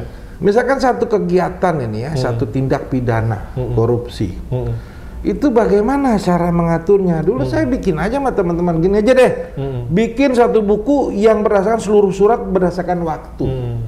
Nah, ternyata dalam teori itu namanya time series, Pak. Hmm. Yang kedua berdasarkan kegiatannya. Ya, ya. Coba lihat apa sub kegiatannya, sub kegiatan. Jadi Isinya yang sama. secara konsep itu, oh ini Itu, praktikalnya. Jadi kalau kita nggak mempraktekkan itu, Enggak, nggak pernah tahu. Tapi karena saya tahu, oh ada yang berdasarkan time series, ada yang berdasarkan activities. hmm. Nah itu begitu keluar soalnya, lah ini ada rupanya iya, iya, gitu. iya, iya, iya. Nah inilah karena teori ini berasal dari praktek, Iya, kemudian praktek yang dikembangkan menjadi satu teori baru. Hmm, hmm. Teori baru diuji lagi, Hmm. dipraktekkan, benar nggak? Begitu ada nggak tepat berubah lagi. Hmm. Jadi ini saling begitu aja. Hmm, hmm, Nah siapa aktor utamanya? Hmm. Ya manusia. Hmm, hmm, hmm. Karena itu manusia adalah hal yang terpenting dari segala hal di bumi Hmm, ini. Berarti kekuatan organisasi atau sumber daya organisasi people ini ya manusia ini Manusia, jadi- jadi Pak. kunci. yang eh, Manusia. dengan knowledge dengan practical gitu ya Betul. kemudian tadi kuncinya manusia pembelajar Manusia Nah, pembelajar. dari sisi aplikasi nih Pak Blusar ya salah satu yang kita kembangkan ini kan mengarah insight foresight gitu ya pandangan pendapat BPK gitu ya nah dikaitkan dengan perspektif hukum ya kemudian perspektif eh, knowledge dan juga eh, praktikal kita gimana pandangan Pak Blusar untuk eh, ke depan BPK ya untuk Iya. terkait dengan misalnya pendapat BPK Jadi ini eh, cara BPK memandang pentingnya foresight, ya insight, ya bukan hanya oversight. Ini saya kira sangat sesuai dengan pemahaman aspek hukum. Hmm. Jadi eh, kita ini kan juga tidak hanya berpikir apa yang telah terjadi, Pak. Mm, mm, mm. Atau apa yang harus kita lakukan saat ini, tapi satu pemahaman itu penting sekali untuk mencoba uh, memprediksi sesuatu atau bahkan misalnya mengantisipasi, memitigasi risiko yang mungkin akan kita hadapi. Nah ini saya kira uh, inti dari foresight. Jadi inti dari foresight adalah kita memberikan satu pendapat Mm-mm. Termasuk pendapat hukum ya di sini? termasuk pendapat hukum di dalamnya. Ah, hal apa saja yang penting eh, pemerintah lakukan eh, berdasarkan eh, pemahaman BPK, baik dari hasil pemeriksaannya maupun dari eh, metodologi-metodologi ilmiah lainnya, gitu loh. Ya, ini ini ini penting sekali. Ini kan eh, kita coba dengan eh, beberapa teman lain ya waktu Betul, itu betul. eh, dengan memahami eh, bagaimana sih kurang lebih ilustrasi yang akan terjadi. Justru untuk memperkaya Pak Bluser ya? Iya, ini kan ini kan ada skema-skema yang kita kita rasa mungkin terjadi atau secara ilmiah dibuktikan bahwa skenario itu eh, cenderung terjadi. Makanya pemahamannya kemarin metodologinya kan skenario planning. Jadi be- beberapa skenario dipilih berdasarkan satu metodologi ilmiah. Nah ini ini, ini Dari bagus sekali. pengalaman ini Pak Bluster, ini kan juga eh, Direktorat Utama Binmangu bekerja sama dengan beberapa perguruan tinggi ya, Iya. eh, terkait dengan mengembangkan aspek eh, pendapat ya, terutama terkait dengan eh, pandangan hukum nih ya, pendapat hukum ada Betul. UI, ada Pajajaran, UGM, Betul, ya, betul. Universitas Diponegoro, Universitas Brawijaya. Apa tuh yang bisa kita belajar dari Jadi kerjasama betul. itu, Pak? Jadi gini, bahwa eh, ternyata kita ini kan tidak sendirian gitu Hmm, loh. BPK ini bukan satu makhluk eksklusif. Hmm, Ya kayak skenario planning kema tadi Hmm. ya eh, pimpinan bekerja tempat lain. Saya kira demikian juga dengan aspek hukum. Hmm, Kita juga harus mengembangkan diri kita. Ya sementara mungkin kita baru dengan universitas-universitas besar di Pulau Jawa ya sementara ini. Iya, iya. Kita ada dengan UI, ya kemudian Unpad, kemudian Undip, UGM, Unibrau, ya Jakarta, Jawa Barat, Jawa Tengah, eh, Ini akan terus Jogja, Jawa dikembangkan, Timur. Ini nih. Nah itu ada 17. Bagaimana kemarin Cak kita cari? Kita coba identifikasi persoalan-persoalan apa yang krusial Hmm, yang dialami teman-teman pimpinan. Kemudian persoalan ini eh, ada alternatif jawabannya A, B, C, tapi nggak pernah didukung oleh kajian-kajian. yang eh, eksternal dan apa ya kredibel. Karena itu salah satunya makanya kita minta pimpinan kan. Dan saya terus terang sangat bersyukur ya pada saat pimpinan setuju, Pak Sekjen juga ikut dukung dengan eh, keuangannya sehingga kita diberikan ruang nih. Ini pertama kali kita Ya, membuat ada 17 pertanyaan besar ya sebagai awalan. Eh, bagaimana memahami termasuk kerugian negara, daerah, terus posisi kita masalah kerugian di BUMN Ya, ya. ya. Untuk perbendarannya kan nggak ada. Hmm, Sampai sekarang nggak pernah. hmm, hmm. Dan mengenai misalkan COVID-19 ini, Iya, betul. ya kemudian eh, soal digitalisasi ke depan. Ini juga melengkapi Pak Bluser ya. Melengkapi. Sisi akademiknya, sisi Iya. kajian teoritisnya, Heeh. praktikalnya Betul. gitu.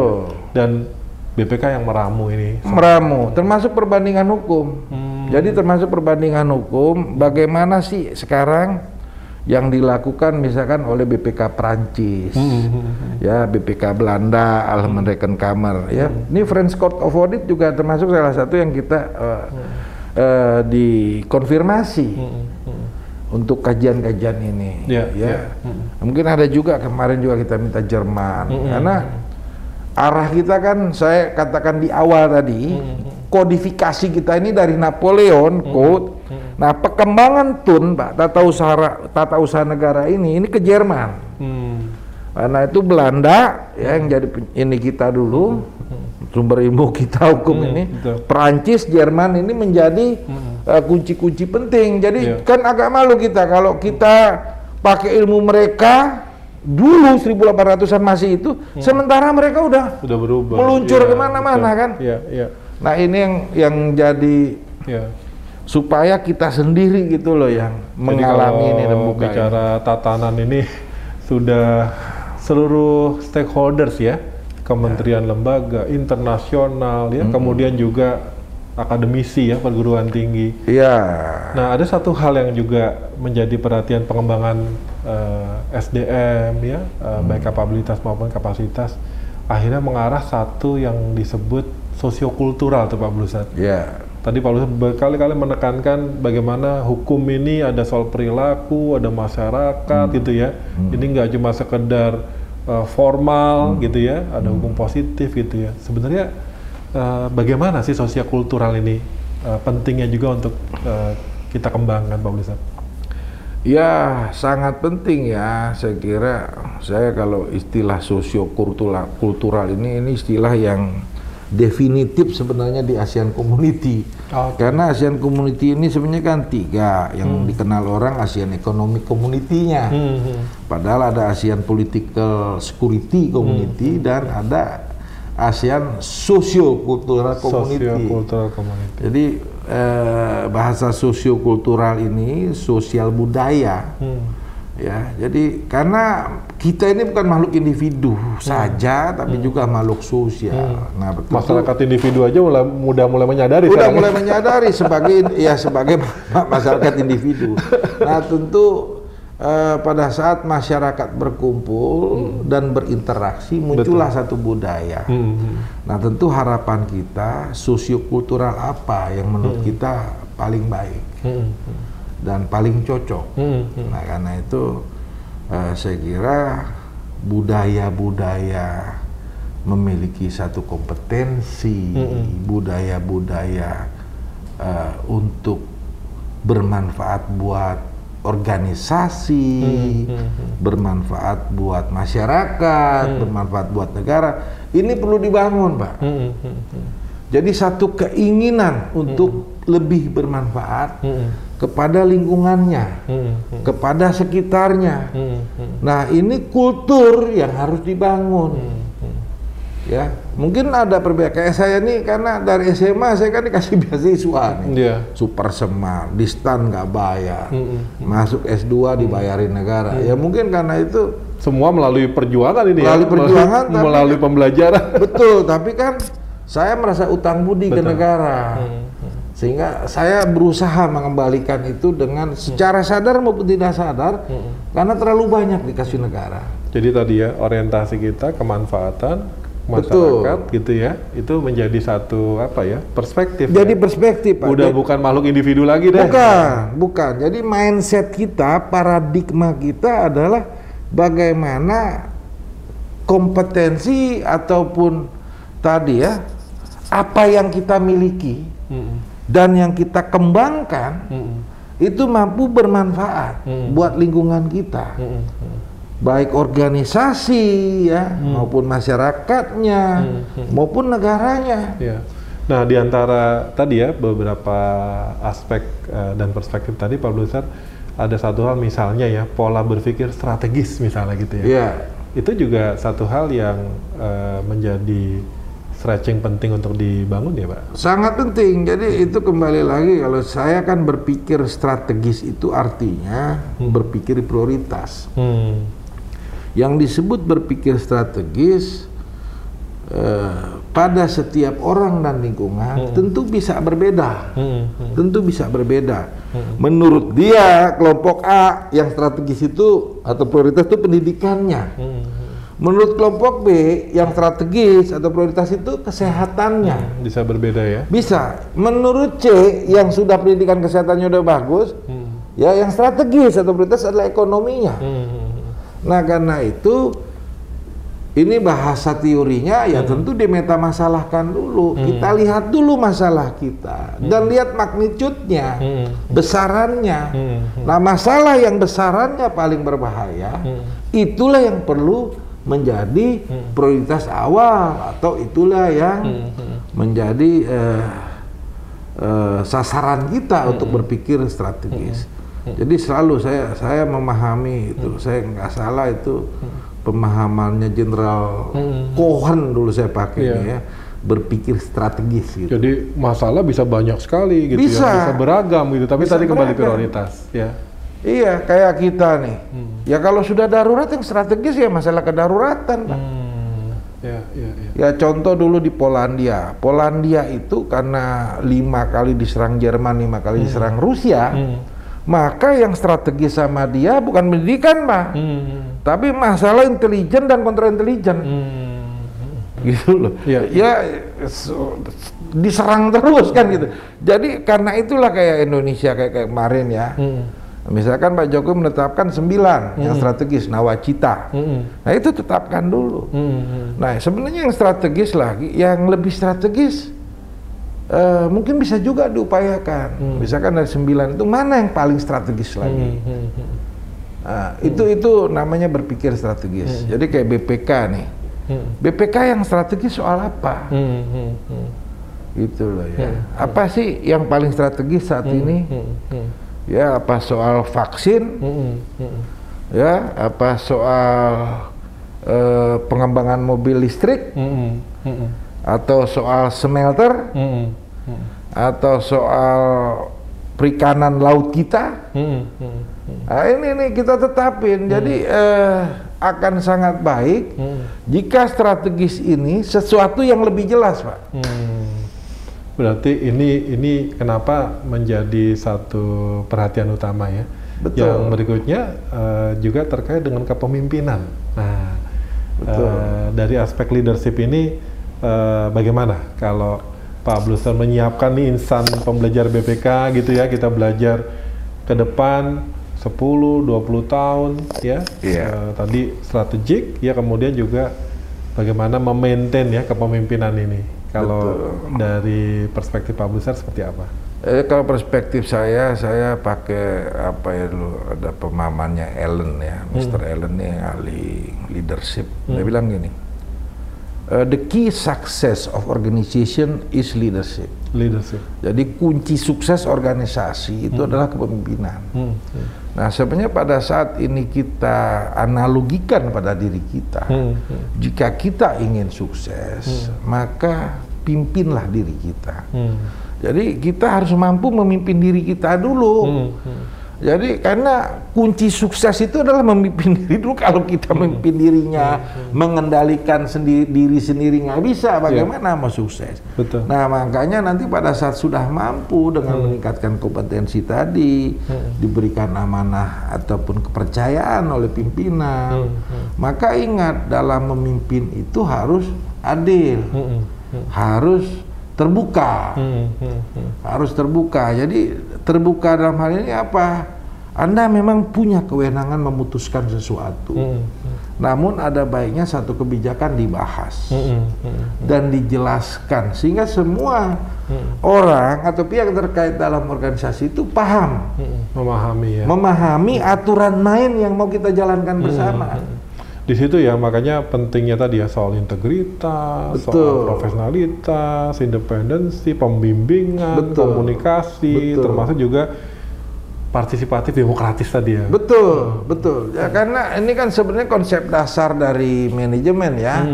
To achieve the goal through other people. Hmm, hmm, hmm. Ya, tentunya dengan kita juga. Nggak boleh bukan memanfaatkan orang lain saja, tapi ini sebenarnya bersama-sama. Iya, iya. Ya, kita mencapai suatu tujuan Hmm, hmm. bersama-sama kita dengan orang lain sebenarnya. Luar biasa. Nah, jadi ini ini satu konsep ya yang saya kira penting dalam Iya. konsep manajemen. Karena itu kita eh, tadi apa yang disampaikan ini kan sebenarnya sederhana ya, planning, organizing atau kata bahasanya ada actuating, ada directing, baru eh, controlling. Selalu rencanakan dulu, ya kan gitu. Ya, kemudian eh, organisasikan apa yang mau kita rencanakan. Baru kita eksekusi. Betul, betul. Ya kan? Ya, bahasanya bisa act, actuating atau directing. Hmm, Laksanakan. Baru ada review proses kontrol. Nah ini konsep sebenarnya waktu kita memimpin ada mekanismenya. Hmm, hmm, Jadi kalau kita memimpin nggak punya planning ya hmm. lari ke mana-mana semuanya. betul. Iya. Nah itu jadi eh, dalam eh, konsep memimpin itu harus ada pembumiannya. Hmm, hmm. Harus ada pembumian, kita belajar dari kita, belajar dari keluarga, karena itu jalan semua. Ini nampak connectivity-nya ya. Pak Lusadi Hmm. mengatakan me- manusia pembelajar, organisasi pembelajar. Kemudian Betul. tadi ya, memimpin diri sendiri, tim, ya, kemudian unit, skop lebih luas BPK, BPK ke nasional, Betul. bahkan ke internasional. Internasional, betul. Wow, ya 30 tahun ya. Ini bersyukur ya insan pembelajar BPK mendapatkan pengalaman, knowledge ya, kemudian juga bagaimana mengekspresikan ya, baik Betul, secara individu, betul. kemudian organisasi dan skala eh, nasional dan internasional. Betul. Pak Bluser, ini inspirasi yang luar biasa ya, eh, sharing kita. Terima kasih. untuk sobat pembelajar eh, BBK apa nih yang Pak Bluser ingin sampaikan gitu ya? Eh, mengantisipasi perubahan juga meningkatkan kontribusi kita tadi ya yang arahnya kepada kemanfaatan. Eh, monggo Pak Bluser Ya, terima kasih. Eh, Pak Dwi. Ya, saya merasa terhormat sekali kalau boleh sharing kepada teman-teman pembelajar. Jadi eh, saya punya konsep hidup, mari kita bermanfaat. Ya. Hmm. Kita bermanfaat buat diri sendiri, kita bermanfaat buat lingkungan kita. Tentu bermanfaat ini tidak mudah. Hmm. Karena itu tingkatkan kompetensi diri. Hmm. Kita harus belajar. Hmm. Ya, kita harus banyak membaca. Kita harus belajar Hmm. dari yang lebih senior, dari yang lebih ahli. Hmm.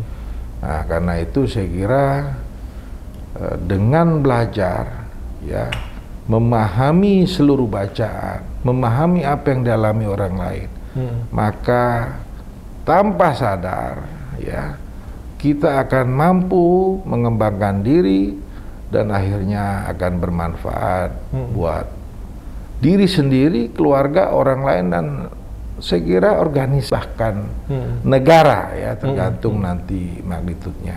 Hmm.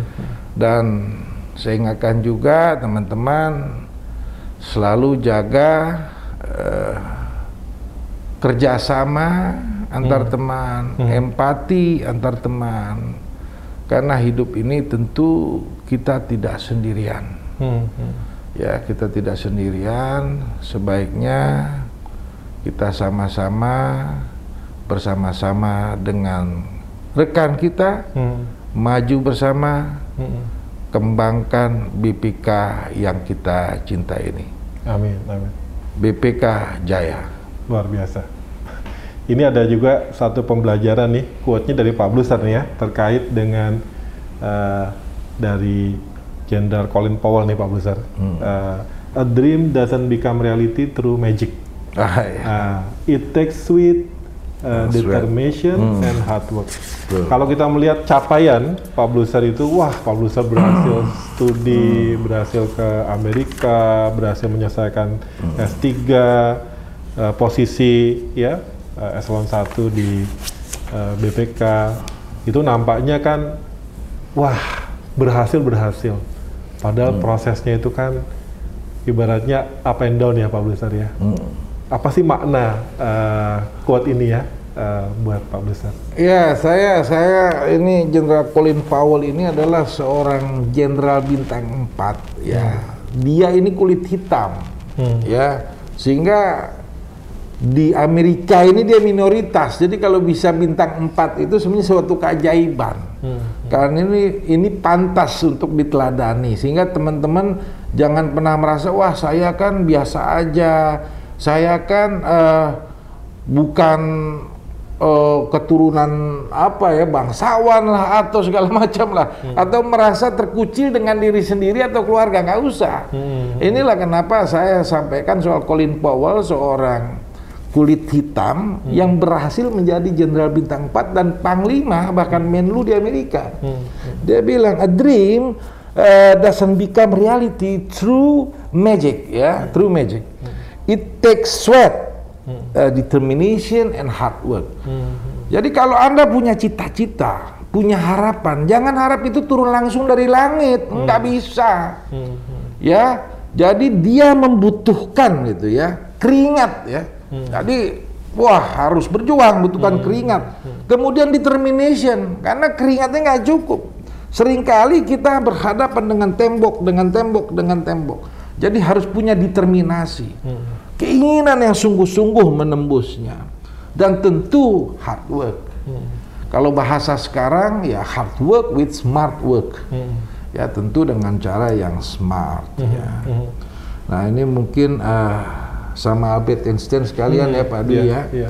Ini karena saya hobi dulu ya. Albert Einstein terkenal dengan teori relativitasnya itu E sama dengan mc kuadrat dulu katanya. Jadi ini manusia super ya. Nah, dia selalu bilang begini, never give up on what you really want to do.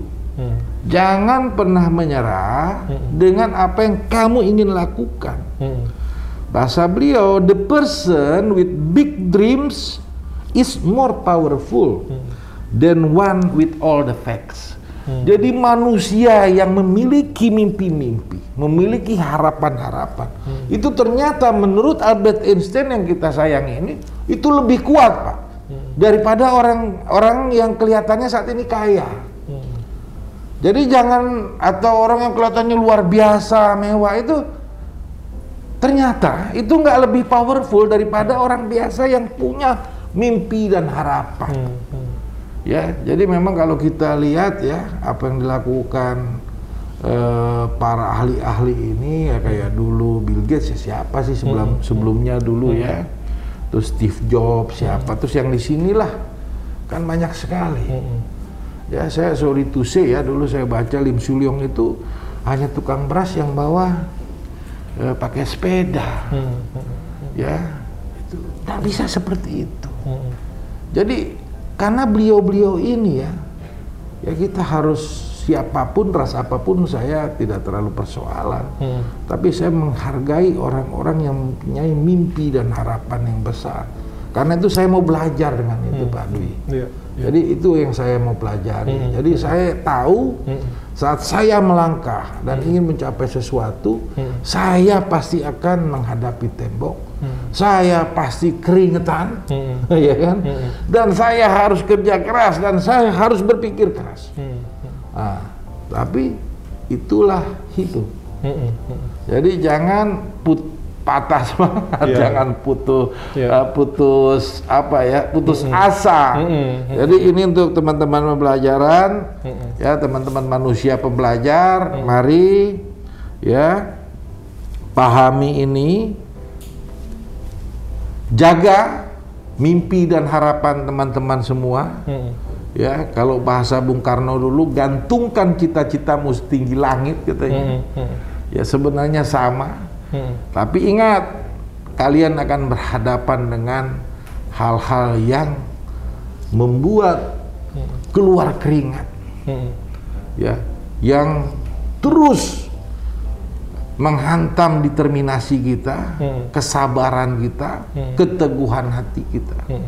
Tapi semua kalau kita beritikat baik, cara kita baik, maka saya yakin teman-teman pembelajar hasilnya akan baik semua. Iya. Demikian Pak Dwi. Luar Terima kasih. Baik, terima kasih. Sobat pembelajar, ini menjadi bekal ya, menjadi pegangan dan Pak Bluser menyampaikan bukan sebatas pemikiran atau konsep, sudah mengalami, sudah melewati ya masa-masa learning journey ini. Sekali lagi terima kasih, apresiasi Pak Bluser waktunya, eh, sharingnya dan ini akan menjadi satu eh, inspirasi untuk sobat pembelajar. Sampai di sini perbincangan kita, sharing kita di podcast Inside BPK Korpu. Saya Dwi Setiawan. Mohon maaf apabila ada yang tidak pas dalam menyampaikan dan mudah-mudahan manfaat terbaik dari bincang-bincang kita dengan Pak Blusar. Sampai Amin. jumpa di podcast edisi berikutnya. Lalu kalam, wassalamualaikum warahmatullahi wabarakatuh. Waalaikumsalam.